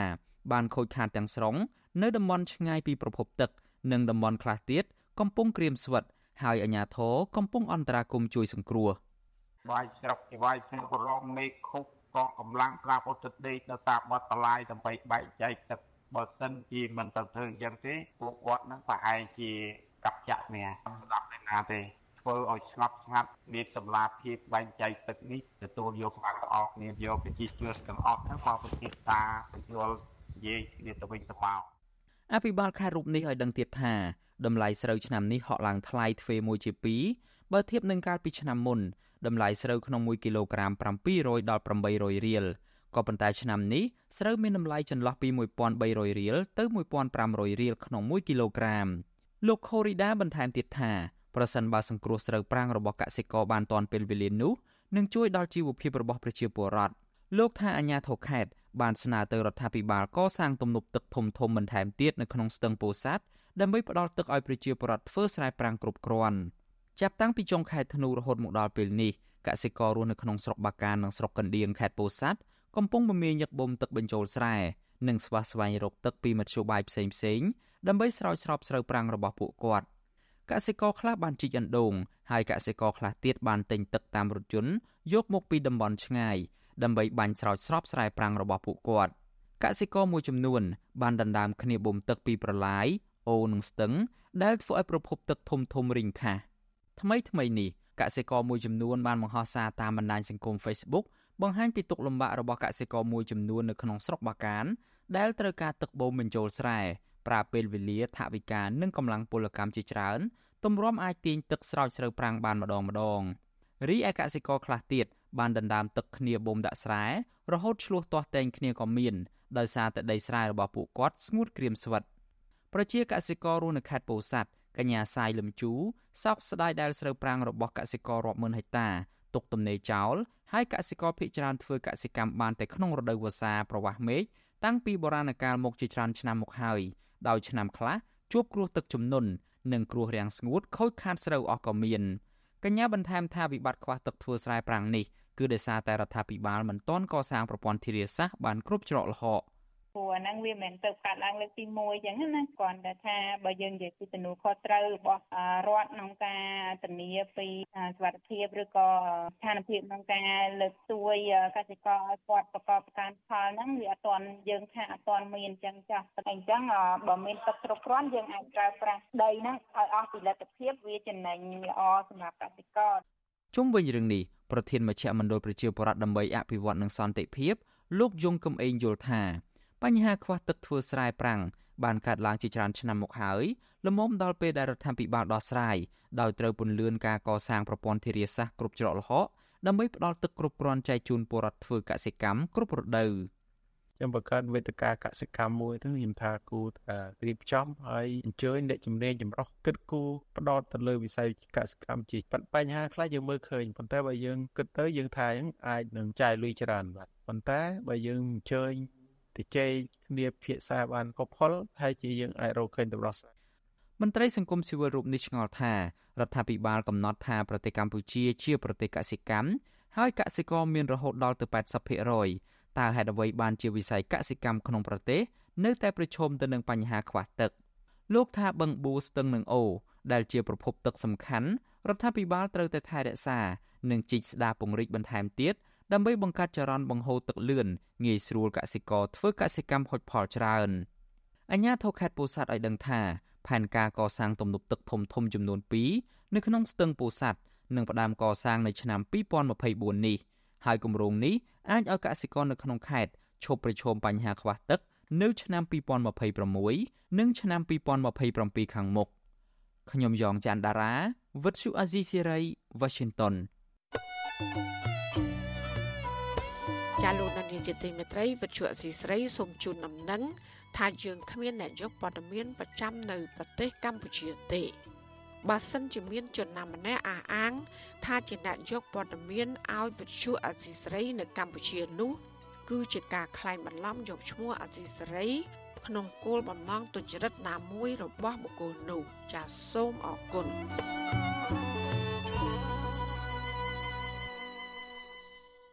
ចាលោកនានីជាទីមេត្រីរដ្ឋមន្ត្រីក្រសួងការងារនិងបណ្ដុះបណ្ដាលវិជ្ជាជីវៈកំពុងស្វែងរកកិច្ចសហការនិងគាំទ្រពីក្រុមហ៊ុនចិនមួយដើម្បីបណ្ដុះបណ្ដាលជំនាញបច្ចេកទេសសំណង់និងគ្រឿងយន្តដល់ប្រជាពលរដ្ឋនិងយុវជនខ្មែរក្រីក្រប្រមាណជាង1លាននាក់ក្រមអ្នកវិភាគបញ្ហាសង្គមប្រួយបារម្ភថាចិននឹងអាចឆ្លៀតយកឥទ្ធិពលនៅក្នុងទីផ្សាររបស់ខ្លួន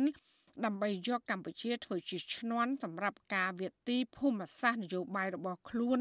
ឲ្យកាន់តែច្រើនថែមទៀតចាលោកសេកបណ្ឌិត មានសេចក្តីរាយការណ៍ពឹស្ដាជំវិញព័ត៌មាននេះដូចតទៅអ្នកវិភាគបញ្ហាសង្គមនិងនយោបាយយល់ឃើញថាបើសិនជារដ្ឋាភិបាលកម្ពុជា មានចក្ខុវិស័យស្ដារលទ្ធិប្រជាធិបតេយ្យនិងសិទ្ធិមនុស្សឲ្យបានពេញលេញឡើងវិញនោះកម្ពុជា មិនចាំបាច់ទៅពឹងពាក់ក្រុមហ៊ុននិងខ្ចីលុយចិនយកមកបណ្ដុះបណ្ដាលជំនាញនានាដល់ពលរដ្ឋនិងយុវជននោះទេ គឺស្ថាប័នអន្តរជាតិព្រមទាំងបណ្ដាប្រទេសលោកសេរីជាច្រើនអាចនឹងជួយបណ្ដុះបណ្ដាលជំនាញព្រមទាំងវិនិយោគទុនផង ជួយឲ្យកម្ពុជាចាក់ចេញពីភាពក្រីក្របាន អ្នកវិភាគបញ្ហាសង្គមនិងនយោបាយលោកកឹមសុខមានប្រសាសន៍ថា បច្ចុប្បន្ននេះរដ្ឋាភិបាលដែលដឹកនាំដោយលោកហ៊ុនម៉ាណែត មិនមានឆន្ទៈស្ដារប្រជាធិបតេយ្យនិងគោរពសិទ្ធិមនុស្សឲ្យបានពេញលេញនៅកម្ពុជាឡើងវិញទេ បានជាមិនហ៊ានទៅរកប្រទេសលោកសេរីឲ្យមកជួយបណ្ដុះបណ្ដាលវិជ្ជាជីវៈបែរជាទៅពឹងពាក់ចិនឲ្យជួយគ្រប់គ្រងការបណ្ដុះបណ្ដាលជំនាញនិងធនធានមនុស្សនៅកម្ពុជាទៅវិញលោកកឹមសុខយល់ឃើញទៀតថាប្រសិនបើរដ្ឋាភិបាលកម្ពុជា មានបំណងនិងឆន្ទៈស្ដារប្រជាធិបតេយ្យនិងសិទ្ធិមនុស្សពិតប្រាកដ ដោយមានការបោះឆ្នោតដោយសេរី និងយុត្តិធម៌ព្រមទាំងបើកសិទ្ធិទូលាយដល់គណៈបកប្រឆាំងនិងធានាលើសិទ្ធិសេរីភាពនៃការបញ្ចេញមតិជាដើមនោះគឺស្ថាប័នអន្តរជាតិធំធំព្រមទាំងបណ្ដាប្រទេសលោកសេរីជាច្រើន ដូចជាសហភាពអឺរ៉ុបសហរដ្ឋអាមេរិកជប៉ុនអូស្ត្រាលី និងប្រទេសមួយចំនួនទៀតរួមទាំងអង្គការសហប្រជាជាតិអង្គការពលកម្មអន្តរជាតិហៅកាត់ថា ILO ធនាគារអភិវឌ្ឍអាស៊ី ហៅកាត់ថា ADB និងធនាគារពិភពលោក WB ជាដើម ចាំជួយបណ្ដុះបណ្ដាលជំនាញនិងធនធានមនុស្សដល់កម្ពុជាគ្រប់វិស័យ គេមានគម្រោងជួយច្រើនបណ្ដុះបណ្ដាលវិជ្ជាជីវៈនៅក្នុងក្របខ័ណ្ឌនិងគ្រប់វិស័យដែលកម្ពុជាយើងត្រូវការណាហើយយើងមិនចាំបាច់ខ្វល់ខ្វាយទៅខ្ចីលុយចិនទៅអង្វរចិនឲ្យមកបណ្ដុះបណ្ដាលផងហើយប្រទេសលោកសេរីប្រជាធិបតេយ្យគេមិនមែនត្រៀមត្រឹមតែជួយបណ្ដុះបណ្ដាលទេបើយើងមានប្រជាធិបតេយ្យគេត្រៀមនឹងបង្ហូរទុននៅក្នុងការពង្រឹងនិងពង្រីកការវិនិយោគនៅប្រទេសកម្ពុជាលើជំនាញដែលគេគ្រោងបណ្ដុះបណ្ដាលដល់ប្រជាពលរដ្ឋខ្មែរទៀត ការលើកឡើងរបស់អ្នកវិភាគបញ្ហាសង្គមនិងនយោបាយនេះខណៈដែលក្រសួងការងារនិងបណ្ដុះបណ្ដាលវិជ្ជាជីវៈបានស្នើសុំកិច្ចសហប្រតិបត្តិការនិងការគ្រប់គ្រងពីក្រុមហ៊ុនចិនមួយចំនួនដូចជាក្រុមហ៊ុន Huanan Construction Investment Group ជាដើមដើម្បីឲ្យជួយពង្រឹងបណ្ដុះបណ្ដាលបច្ចេកទេសសំណង់និងគ្រឿងយន្តដល់ពលរដ្ឋនិងយុវជនកម្ពុជាប្រធានសមាគមប្រជាធិបតេយ្យឯករាជ្យនៃសេដ្ឋកិច្ចក្រៅប្រព័ន្ធលោកវ៉ាន់ពៅ មានប្រសាសន៍ថា ការរៀបចំបណ្ដុះបណ្ដាលវិជ្ជាជីវៈដល់កម្មករឬយុវជនក្រីក្រ គឺជាការឆ្លើយតបមួយដើម្បីឲ្យពលរដ្ឋមានជំនាញយកទៅប្រកបមុខរបរចិញ្ចឹមជីវិតក៏ប៉ុន្តែប្រសិនបើរដ្ឋាភិបាលគ្រាន់តែបង្រៀនហើយមិនមានកញ្ចប់ថវិកាឬក៏អនុទានជួយឲ្យពួកគាត់យកទៅធ្វើជាដើមទុនក្នុងការប្រកបមុខរបរនោះទេ គឺពលរដ្ឋនៅតែគ្មានការងារធ្វើហើយវានៅតែជាបញ្ហាចោទដដែល ខ្ញុំគិតថាបើរៀនហើយយកកម្មករសម្រាប់ខ្លួនឯងហើយឲ្យប្រាក់ខែច្រើនរស់នៅសមរម្យផ្ដល់សិទ្ធិកម្មករអាហ្នឹងខ្ញុំគិតថាជារឿងប្រសើរជាពិសេសផ្ដល់សិទ្ធិប្រកាសសហជីពឯករាជ្យការពារប្រជាកម្មកររូបសិទ្ធិកម្មករលក្ខខណ្ឌការងារសមរម្យល្អអាហ្នឹងគឺជារឿងប្រសើរតែបើរៀនហើយយកអ្នកទាំងអស់ហ្នឹងគឺជាបុគ្គលិករបស់ខ្លួនហើយឲ្យប្រាក់ខែមិនគ្រប់គ្រាន់លក្ខខណ្ឌការងារមិនល្អមិនគោរពសិទ្ធិកម្មករមិនគោរពសហជីពអាហ្នឹងគឺជារឿងដែលគួរឲ្យសោកស្ដាយទៅវិញទេ ចំណែកប្រធានសហភាពការងារកម្ពុជា លោកអាត់ធុនយល់ថាការដែលអ្នកជំនាញចិនចូលរួមបណ្ដុះបណ្ដាលធនធានមនុស្សនៅកម្ពុជា គឺជាការល្អពីព្រោះតែបច្ចុប្បន្នកម្មករនិងពលរដ្ឋខ្មែរភាគច្រើនមិនទាន់មានជំនាញអ្វីច្បាស់លាស់នៅឡើយទេក៏ប៉ុន្តែកម្មករនិងយុវជន ដែលមកពីគ្រួសារក្រីក្រភាគច្រើនអាចពិបាកនឹងចូលរួមណាស់ដោយសារតែពួកគាត់ខ្វល់ពីការដោះស្រាយជីវភាពប្រចាំថ្ងៃច្រើនជាងការយកពេលទៅរៀនសូត្រ លោកអាត់ធុនជំរុញឲ្យក្រសួងការងារឬរដ្ឋាភិបាលផ្ដល់ជំនួយឧបត្ថម្ភដល់ក្រុមកម្មករនិងយុវជន ដែលចេញពីគ្រួសារក្រីក្រទាំងនោះដើម្បីឲ្យពួកគាត់មានពេលទៅរៀនសូត្របានពេញលេញ។ បើសិនជាផ្ដល់ជំនាញគួរផ្ដល់ថវិកាឲ្យគាត់បានរៀនហើយបានពេញលេញព្រោះឥឡូវហ្នឹងកម្ពុជាយើងមិនសូវមានជំនាញទេប៉ុន្តែពេលបច្ចុប្បន្ននេះយើងដឹងហើយថាកម្មករដែលកំពុងធ្វើការកំពុងតែអត់ការងារធ្វើហើយនៅពេលដែលឲ្យគាត់ទៅធ្វើទៅបដោះបដាលហ្នឹងគឺធ្វើពិបាកព្រោះគាត់អត់មានលុយរឿងទី1រឿងទី2ផ្នែកកម្មវិធីបរិវត្តតែគេមានឧបត្ថម្ភចំពោះអ្នកមានបានក្រីក្រហើយអ្នកដែលមានបានក្រីក្រហ្នឹងគាត់ក៏ពិបាកដែរអញ្ចឹងក៏បាននឹងមានការចូលរួមអញ្ចឹង ទោះយ៉ាងណាវិទ្យុអាស៊ីសេរីនៅពុំទាន់អាចសុំការអធិប្បាយពីអ្នកនាំពាក្យក្រសួងការងារនិងបណ្ដុះបណ្ដាលវិជ្ជាជីវៈលោកកតាអនបាននៅឡើយទេ នៅថ្ងៃទី27ខែមករាដោយសារតែលោកមិនទទួលទូរស័ព្ទក៏ប៉ុន្តែកាលពីថ្ងៃទី23ខែមករាកន្លងទៅរដ្ឋមន្ត្រីក្រសួងការងារនិងបណ្ដុះបណ្ដាលវិជ្ជាជីវៈលោកហេងសួរបានបញ្ជាក់ក្នុងជំនួបជាមួយនឹងនាយកគ្រប់គ្រងក្រុមហ៊ុន Huanan Construction Investment Group របស់ប្រទេសចិន គឺលោកឆាយឌៀនវ៉ៃថាកម្ពុជាកំពុងមានភាពចាំបាច់លើប្រសិទ្ធភាពការសិក្សា ការជួយកែលម្អការបណ្ដុះបណ្ដាលគ្រូបង្គោលនិងការពង្រឹងគុណភាពសមត្ថភាពតាមរយៈកម្មវិធីបណ្ដុះបណ្ដាលបច្ចេកទេសផ្នែកសំណង់និងគ្រឿងយន្តដល់យុវជនចំនួន1លាន5សែននាក់ដែលមកពីគ្រួសារក្រីក្រ និងងាយរងគ្រោះអ្នកសិក្សាកិច្ចការសង្គមនិងនយោបាយលោកប៉ោមករាយល់ឃើញថា ការដែលកម្ពុជាពឹងពាក់ចិន ឲ្យមកជួយបណ្ដុះបណ្ដាលវិជ្ជាជីវៈពិតប្រាកដគឺវាមានសារៈសំខាន់ណាស់សម្រាប់យុវជន កម្មករកម្មការិនីនិងពលរដ្ឋខ្មែរទូទៅក៏ប៉ុន្តែអ្វីដែលលោកបារម្ភនោះគឺខ្លាចក្រែងតែចិនអាចយកឱកាសនេះទៅពង្រីកសេដ្ឋកិច្ចរដ្ឋាភិបាលរបស់ខ្លួន និងបង្កើនឥទ្ធិពលគ្របដណ្ដប់លើកម្ពុជា ដើម្បីភាពចំណេញលើការវិទីភូមិសាស្ត្រនយោបាយរបស់ខ្លួនទៅវិញ។ ពីព្រោះចិនជាទូទៅកាលណារាប់អានជាមួយនឹងប្រទេសដែលមានប្រព័ន្ធនីតិរដ្ឋនឹងខ្សោយសេដ្ឋកិច្ចនឹងខ្សោយវាធ្វើឲ្យប្រទេសដែលរាប់អានហ្នឹងវាខាតបង់ប្រយោជន៍យើងឃើញកន្លងមកចិនជួយគ្រប់ផ្នែកដូចជួយសាងពលានយន្តហោះនៅសៀមរាបជួយធ្វើផ្លូវលបឿនលឿនជួយសាងកំពង់ផែសមុទ្ររៀមអីប៉ុន្តែទន្ទឹមនឹងការកសាងការជួយទាំងអស់ហ្នឹងចិនបែរទៅជាផលិតរឿងមួយដែលបង្ខូចកេរ្តិ៍ឈ្មោះរបស់កម្ពុជាទៅវិញអាហ្នឹងវាថាការរាប់អានការជួយហ្នឹងវាមិនស្មោះត្រង់វាមិនផ្ដល់ភាពត្រឹមត្រូវក្នុងទំនាក់ទំនងមិត្តដៃថែបហ្នឹងបាទរបាយការណ៍របស់ក្រសួងការងារនិងបណ្ដុះបណ្ដាលវិជ្ជាជីវៈឲ្យដឹងថាបច្ចុប្បន្ននេះកម្ពុជាមានរោងចក្រសហគ្រាសទាំងអស់ជាង40000ដែលមានកម្មករនិយោជិតសរុបជាង1លាន7សែននាក់កំពុងបម្រើការងារក្រុមកម្មករដែលកំពុងបម្រើការងារក្នុងរោងចក្រសហគ្រាសទាំងនោះភាគច្រើនមានជំនាញនិងបច្ចេកទេសខ្សត់ខ្សោយហើយទទួលបានប្រាក់ឈ្នួលប្រចាំខែតិចតួចមិនសមរម្យនៅឡើយ។ លោកកឹមសុខយល់ថាប្រសិនបើរដ្ឋាភិបាលកម្ពុជា បច្ចុប្បន្នគ្រាន់តែមានឆន្ទៈស្ដារលទ្ធិប្រជាធិបតេយ្យនិងគោរពសិទ្ធិមនុស្សឲ្យបានពេញលេញឡើងវិញគឺកម្ពុជាមិនចាំបាច់ខ្វល់ខ្វាយរឿងខ្ចីលុយនឹងទៅអង្វរចិនឲ្យមកជួយបណ្ដុះបណ្ដាលជំនាញវិជ្ជាជីវៈនោះទេ មានន័យថាស្ថាប័នអន្តរជាតិធំធំព្រមទាំងបណ្ដាប្រទេសលោកសេរីជាច្រើនកំពុងត្រៀមខ្លួនចាំជួយបណ្ដុះបណ្ដាលគ្រប់វិស័យ ដែលកម្ពុជាត្រូវការព្រមទាំងបង្ហូរទុនមកវិនិយោគលើជំនាញដែលកម្ពុជាមានរកទីផ្សារលក់ផលិតផលធ្វើឲ្យកម្មករទទួលបានប្រាក់ខែខ្ពស់សមរម្យជីវភាពរស់នៅប្រសើរឡើង និងរួចចាក់ផុតពីភាពក្រីក្របានផងដែរខ្ញុំបាទសេកបណ្ឌិតវិទ្យុអាស៊ីសេរីពីរដ្ឋធានីវ៉ាស៊ីនតោន លោកណានៀងជាទីមេត្រីយើងបានទទួលសំណូមពរពីអ្នកស្ដាប់និងអ្នកទស្សនារបស់យើងច្រើនណាស់ថាកុំឲ្យដាក់ចំណងជើងផ្ទុយពីខ្លឹមសារនៃព័ត៌មានឧទាហរណ៍ដូចជាដាក់ចំណងជើងថា Vivo ហើយលោកហ៊ុនសែនត្រូវតឡាការប្រំពន្ធអន្តរជាតិ ICC យកទៅកាត់ទោសជាដើមក៏ប៉ុន្តែនៅពេលដែលចុចស្ដាប់ទៅ គឺមិនលឺនិយាយអំពីរឿងនេះសោះចាយើងខ្ញុំសូមជម្រាបថាការដាក់ចំណងជើង ដែលខុសពីខ្លឹមសារទាំងនេះគឺជាការបោកប្រាស់របស់ក្រុមរកស៊ីតាម YouTube ដើម្បីរកលុយតែប៉ុណ្ណោះពួកគេបានលួចយកខ្លឹមសារនៃការផ្សាយរបស់វិទ្យុអសីស្រី ទៅកាត់តរួចបដូរចំណងជើង តាមរបៀបប្លែកប្លែកហួសហេតុដែលខុសពីការពិតក្នុងគោលបំណងតាក់ទាញចិត្តលោកនាងឲ្យចុចស្ដាប់ឬទស្សនាដើម្បីបាន view ឬក៏បានអ្នកចូលទស្សនាច្រើន។ មានអ្នកចុចស្ដាប់កាន់តែច្រើន ពួកគេក៏កាន់តែរកប្រាក់បានច្រើននោះដែរចាទីស្រីមិនដែលដាក់ចំណងជើងខុសពីខ្លឹមសារនោះទេលោកអ្នកនាងកញ្ញាអាចចូលរួមទប់ស្កាត់ការបោកប្រាស់ទាំងនេះបានដោយឈប់ចុចស្ដាប់ឬក៏ទស្សនាការចុះផ្សាយណាមួយ ដែលដាក់ចំណងជើងខុសប្លែកគួរសង្ស័យទាំងនេះចាជាពិសេសទៅទៀតគឺដើម្បីស្ដាប់ឬក៏ទស្សនាការផ្សាយពិតរបស់អាស៊ីសេរី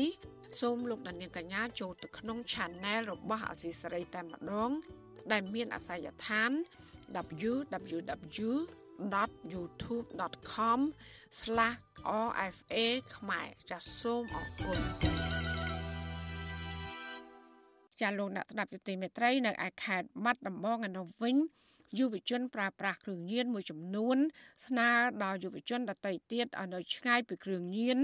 ដើម្បីអនាគតខ្លួនឯងក្រុមគ្រួសារនិងសង្គមជាតិតើយុវជនទាំងនោះមានបទពិសោធន៍អ្វីខ្លះនៅពេលដែលពួកគេប្រើប្រាស់គ្រឿងញៀនចាលោកជាតិចំណានមានសេចក្តីរាយការណ៍ពុស្ដាជំវិញបញ្ហានេះដូចតទៅគ្រឿងញៀនជាវិបត្តិសង្គមមួយដែលបង្អាក់ដំណើរការអភិវឌ្ឍប្រទេសជាតិដោយសារតែគ្រឿងញៀនបានអូសពលរដ្ឋកម្ពុជារាប់ម៉ឺននាក់ឲ្យភ្លឺតភ្លើនភ្លេចការរៀនសូត្របំផ្លាញពេលវេលា បំផ្លាញថវិកា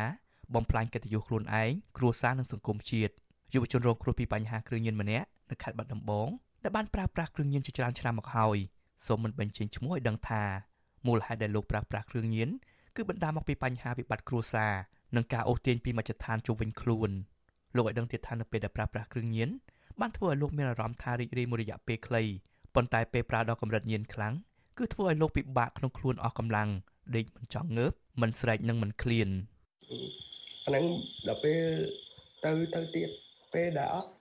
ពេលដែលអត់គឺធ្វើអីអត់កើតតតែមានគឺធ្វើធ្វើការកើតហើយវាពិបាកពិបាកពិបាករកថាសឹងថាស៊ីសាច់ខ្លួនឯងយុវជនរូបនេះបន្តថាមុនពេលដែលលោកប្រើប្រាស់គ្រឿងញៀនលោកធ្លាប់ជាក្មេងដែលដឹងការខុសត្រូវនិងរៀនសូត្រពូកែហើយគ្រួសារនិងអ្នកនៅជុំវិញខ្លួនស្រឡាញ់រាប់អានប៉ុន្តែចាប់តាំងពីលោកប្រើប្រាស់គ្រឿងញៀនមកលោកក្លាយជាមនុស្សឆេវឆាវ ការរៀនសូត្រក៏ធ្លាក់ចុះហើយលោកបានឃ្លាតឆ្ងាយពីគ្រួសារនិងមនុស្សជុំវិញខ្លួនមានមានពេលមួយទៅលេងដូចជាការប្អូនពួកម៉ាក់ទៅពួកម៉ាក់ដែលស្គាល់គ្នាពីតូចពីតូចណាមកអង្គុយអង្គុយចិត្តគ្នានៅនៅនៅតុកទីការហ្នឹងដល់ពេលហើយម៉ែគេឃើញថាអង្គុយចិត្តគ្នាហ្នឹងគេមកដឹកដៃកូនគេទៅឲ្យអង្គុយតុកផ្សេងហើយគេនិយាយថាគេនិយាយយើងលឺហើយគេថាតែទៅដើរស្អីមកពួកអស់ហ្នឹងមានការងារអី វាដូចថាវាមិនសមណាណាពួកអ្នកដែលយើងរកពីមុនមកហ្នឹងទៅជាអញ្ចឹងវិញគ្រឿងញៀនគឺជាសារធាតុគីមីដែលមានឥទ្ធិពលដល់ដំណើរការធម្មតារបស់រាងកាយនិងខួរក្បាលហើយវាធ្វើឲ្យការអភិវឌ្ឍចុះខ្សោយខ្លាំងចំពោះយុវជនក្នុងនោះគ្រឿងញៀនខុសច្បាប់មានពីរប្រភេទធំធំគឺគ្រឿងញៀនធម្មជាតិដូចជាអាភៀនកញ្ឆានិងថ្នាំជក់ជាដើមនិងគ្រឿងញៀនសំយោគដែលបង្កើតឡើងពីសារធាតុផ្សំលាយចូលគ្នាច្រើនមុខដូចជាមេតាហ្វមតាមីនអេកស្តាស៊ី ឬថ្នាំក្រវីក្បាលជាដើមគ្រឿងញៀនជាអ្នកសម្រេចចិត្តចំនួនអ្នកប្រើប្រាស់ហើយប៉ះពាល់ដល់សរីរាង្គដូចជាថ្លើមបេះដូងនិងបង្កបញ្ហាដល់សុខភាពដូចជាញ័រដៃញ័រជើងមិនអាចគ្រប់គ្រងខ្លួនបានថប់ដង្ហើមនិងពេលខ្លះបាត់បង់ជីវិតដោយសារតែវាធ្វើឲ្យដាច់សរសៃឈាមខួរក្បាលឬបេះដូងជាដើមនិងឆ្លងចូលជាជំងឺថ្លើមអេដនិងកាមរោគជាដើមនៅចុងខែមករាឆ្នាំ2024នេះអញ្ញាធិបបានបង្ក្រាបករណីគ្រឿងញៀនធំធំមួយចំនួននិងដកហូតបានគ្រឿងញៀនជាង2តោនកន្លះ ហើយឃាត់ខ្លួនជនបរទេសចំនួន5នាក់នៅក្នុងរាជធានីភ្នំពេញខេត្តព្រះសីហនុនិងខេត្តព្រះវិហាររបាយការណ៍របស់អាជ្ញាធរប្រយុទ្ធប្រឆាំងគ្រឿងញៀនឆ្នាំ2023បង្ហាញថាសមត្ថកិច្ចបានបង្ក្រាបបទល្មើសគ្រឿងញៀនជិត8000ករណីដោយរឹបអូសបានគ្រឿងញៀនប្រមាណ4តោននិងឃាត់ខ្លួនជនសង្ស័យជិត20000នាក់ថ្មីថ្មីនេះលោកនាយករដ្ឋមន្ត្រីហ៊ុនម៉ាណែតបានដាក់ចេញគោលការណ៍ឲ្យបន្តអនុវត្តច្បាប់ស្តីពីការត្រួតពិនិត្យគ្រឿងញៀនដោយចាត់វិធានការទប់ស្កាត់និងបញ្ជាឲ្យបាន មិនឲ្យប្រទេសកម្ពុជាក្លាយជាប្រទេសគោលដៅនៃការប្រព្រឹត្តបទល្មើសគ្រឿងញៀនពង្រឹងការត្រួតពិនិត្យសារធាតុគីមីផ្សំដែលយកទៅផលិតគ្រឿងញៀនអប់រំឲ្យយុវជន ប្រយុទ្ធប្រឆាំងគ្រឿងញៀនជំរុញការផ្សព្វផ្សាយគោលនយោបាយភូមិឃុំមានសុវត្ថិភាពនិងពង្រឹងសមត្ថភាពមជ្ឈមណ្ឌលអប់រំបន្សាបគ្រឿងញៀននិងស្ដារនីតិសម្បទាជាដើមតាក់ទងបញ្ហានេះនាយកទទួលបន្ទុកកិច្ចការទូតនៃអង្គការសិទ្ធិមនុស្សលីកាដូលោកអំសម្បត្តិមានប្រសាសន៍ថាជនរងគ្រោះដោយសារតែគ្រឿងញៀននិងក្រុមគ្រួសាររបស់ពួកគេ តែងត្រូវបានសាច់ញាតិបងប្អូនសហគមន៍រើសអើងដោយសារតែសមាជិកគ្រួសារប្រើប្រាស់គ្រឿងញៀនលោកបន្តថាបញ្ហាគ្រឿងញៀននេះបានបំផ្លាញអនាគតយុវជនរាប់ម៉ឺននាក់និងប៉ះពាល់ដល់សង្គមជាតិទាំងមូលដែលទាមទារឲ្យរដ្ឋាភិបាលបង្កើនការបង្ក្រាបនិងទប់ស្កាត់ការចរាចរណ៍គ្រឿងញៀននៅកម្ពុជាត្រូវតែបង្កើន ការបង្ក្រាបនិងការទប់ស្កាត់លំហូរនិងចរាចរណ៍គ្រឿងញៀននៅក្នុងប្រទេសកម្ពុជាឲ្យមានប្រសិទ្ធភាពទី1គឺត្រូវតែលុបបំបាត់អំពើពុករលួយកុំឲ្យមានការពាក់ព័ន្ធជាមួយអំពើពុករលួយនិងក្នុងបញ្ហាគ្រឿងញៀនទី2មន្ត្រីទាំងអស់ជាពិសេសមន្ត្រីកងកម្លាំងដែលមានទូរនទីក្នុងការបង្ក្រាបទៅលើបញ្ហាគ្រឿងញៀនត្រូវនៅឲ្យឆ្ងាយអំពីគ្រឿងញៀនកាលណាបើកងកម្លាំងមានការពាក់ព័ន្ធនោះបញ្ហាគ្រឿងញៀនមិនងាយនឹងធ្វើការបង្ក្រាបទេ វិសុវស៊ីស្រីនៅពុំអាចតតអគ្គស្នងការរងនគរបាលជាតិទទួលបន្ទុកការបង្ក្រាបបទល្មើសគ្រឿងញៀនលោកម៉ាក់ជីតូដើម្បីឆ្លើយតបជុំវិញបញ្ហានេះបាននៅឡើយទេនៅថ្ងៃទី27ខែមករាកាលពីថ្ងៃទី18ខែធ្នូឆ្នាំ2023កន្លងទៅរដ្ឋមន្ត្រីក្រសួងមហាផ្ទៃលោកសសុខាបាននិយាយថាពីមុនប្រទេសកម្ពុជាគ្រាន់តែជាតំបន់ឆ្លងកាត់គ្រឿងញៀនតែប៉ុណ្ណោះប៉ុន្តែបច្ចុប្បន្ននេះបានក្លាយជាកន្លែងផលិតនិងលក់ក្នុងស្រុកតែម្ដងលោកបង្ហាញពីចំនួនអ្នកជាប់ពន្ធនាគារ គិតត្រឹមឆ្នាំ2023បានកើនឡើងដល់ជាង42000នាក់ក្នុងនោះស្ត្រីមានជាង2500នាក់លោកបញ្ជាក់ថាអ្នកជាប់ពន្ធនាគារសរុបមានជាង42000នាក់គឺមាន51%ជាប់ឃុំដោយសារតែគ្រឿងញៀនខណៈឆ្នាំ2022មានអ្នកជាប់ឃុំសរុបជិត40000នាក់នៅក្នុងពន្ធនាគារទូទាំងប្រទេសអតីតមន្ត្រីជាន់ខ្ពស់នៃមន្ទីរសុខាភិបាលខេត្តបៃលិននិងជាមន្ត្រីគណៈបកភ្លឹងទៀនលោកខឹមមនីកុសលដែលកំពុងភៀសខ្លួននៅប្រទេសថៃ ប្រាប់វិសុអេស៊ីស្រីនៅថ្ងៃទី27ខែមករាថាដើម្បីបន្សាបសារធាតុញៀនពីជនរងគ្រោះគឺអាចប្រើប្រាស់ថ្នាំតាមបែបវិទ្យាសាស្ត្រចិត្តសាស្ត្រការអប់រំការធ្វើលំហាត់ប្រាណដើម្បីស្ដារនីតិសម្បទានិងបញ្ជូនពួកគេទៅមជ្ឈមណ្ឌលបន្សាបគ្រឿងញៀនជាដើមប៉ុន្តែលោកសង្កេតឃើញថាជនរងគ្រោះមួយចំនួនបានវិលត្រឡប់មកប្រើប្រាស់គ្រឿងញៀនឡើងវិញក្រោយពីចេញពីមណ្ឌលបន្សាបគ្រឿងញៀន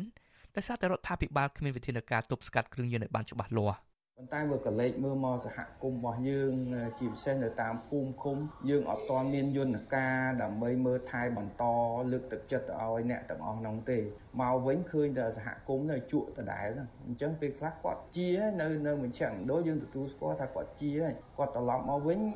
ភូមិឃុំរបស់គាត់ហ្នឹងវានៅតែមានអ្នកជក់នៅតែមានអ្នកលក់អញ្ចឹងគាត់ងាយនឹងវិលត្រឡប់ទៅរកការប្រើប្រាស់គ្រឿងញៀនហ្នឹងសារឡើងវិញ យុវជនជាជនរងគ្រោះដោយសារតែបញ្ហាគ្រឿងញៀនលើកឡើងថាយុវជនដទៃទៀតគុំចង់សាកល្បងប្រើប្រាស់គ្រឿងញៀនហើយត្រូវតែនៅឲ្យឆ្ងាយពីគ្រឿងញៀនពួកគេស្នើដល់រដ្ឋាភិបាលឲ្យបង្កើតមជ្ឈមណ្ឌលបន្សាបគ្រឿងញៀននិងស្ដារនីតិសម្បទាឲ្យបានច្រើននៅទូទាំងប្រទេសដើម្បីផ្ដល់ភាពងាយស្រួលដល់ពលរដ្ឋនៅតាមមូលដ្ឋានខ្ញុំបាទជាតិចំណាន Visual Society ប្រធានាទី Washington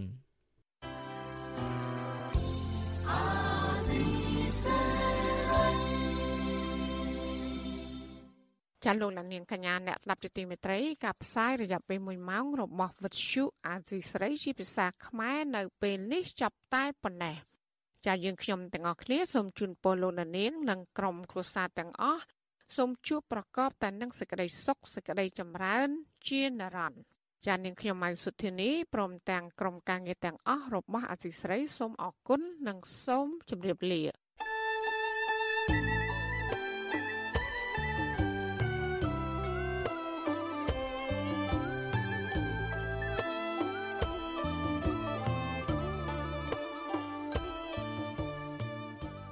ទ្យុអេស៊ីសរ៉ៃផ្សាយតាមរលក ធារកាសខ្លីតាមកម្រិត និងកម្ពស់ដូចតទៅនេះ ពេលព្រឹកចាប់ពីម៉ោង5កន្លះដល់ម៉ោង6កន្លះតាមរយៈប៉ុស SW 93.90 MHz ស្មើនឹងកម្ពស់ 32m និងប៉ុស SW 11.85 MHz ស្មើនឹងកម្ពស់ 25m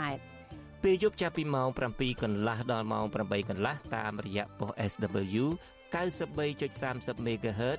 ស្មើនឹងកម្ពស់ 32m ប៉ុស SW 11.88 MHz ស្មើនឹងកម្ពស់ 25m និងប៉ុស SW 15.15 MHz ស្មើនឹងកម្ពស់ 20m លោកអ្នកនាងក៏អាចស្ដាប់និងទស្សនាការផ្សាយផ្ទាល់នៅលើគេហទំព័រ Visual Asia សេរីតាមរយៈអាសយដ្ឋាន rfa.org/ ខ្មែរក្រៅពីនេះលោកអ្នកនាងក៏អាចអាននិងទស្សនាព័ត៌មាន Visual Asia សេរីលើទូរស័ព្ទដៃរបស់លោកអ្នកនាងផ្ទាល់ សូមអញ្ជើញលោកអ្នកនាងដំឡើងកម្មវិធី Vithu Azizi សេរីនៅលើទូរស័ព្ទដៃរបស់លោកអ្នកនាងឬស្វែងរក Vithu Azizi សេរីនៅលើ YouTube ឬ Facebook ដោយស្វែងរកពាក្យថា Vithu Azizi សេរីឬ RFA ខ្មែរសូមលោកអ្នកនាងចុច like follow និងចុច subscribe ដើម្បីទទួលបានព័ត៌មានថ្មីៗតាមហេតុការណ៍និងទស្សនាវីដេអូផ្សេងៗទៀតបានគ្រប់ពេលវេលា យើងខ្ញុំសូមជូនពរដល់លោកអ្នកនាងព្រមទាំងក្រុមគ្រួសារទាំងអស់ឲ្យជួបប្រកបតែនឹងសេចក្តីសុខសេចក្តីចម្រើនរុងរឿងកុំបីឃ្លៀងឃ្លាតឡើយ thank you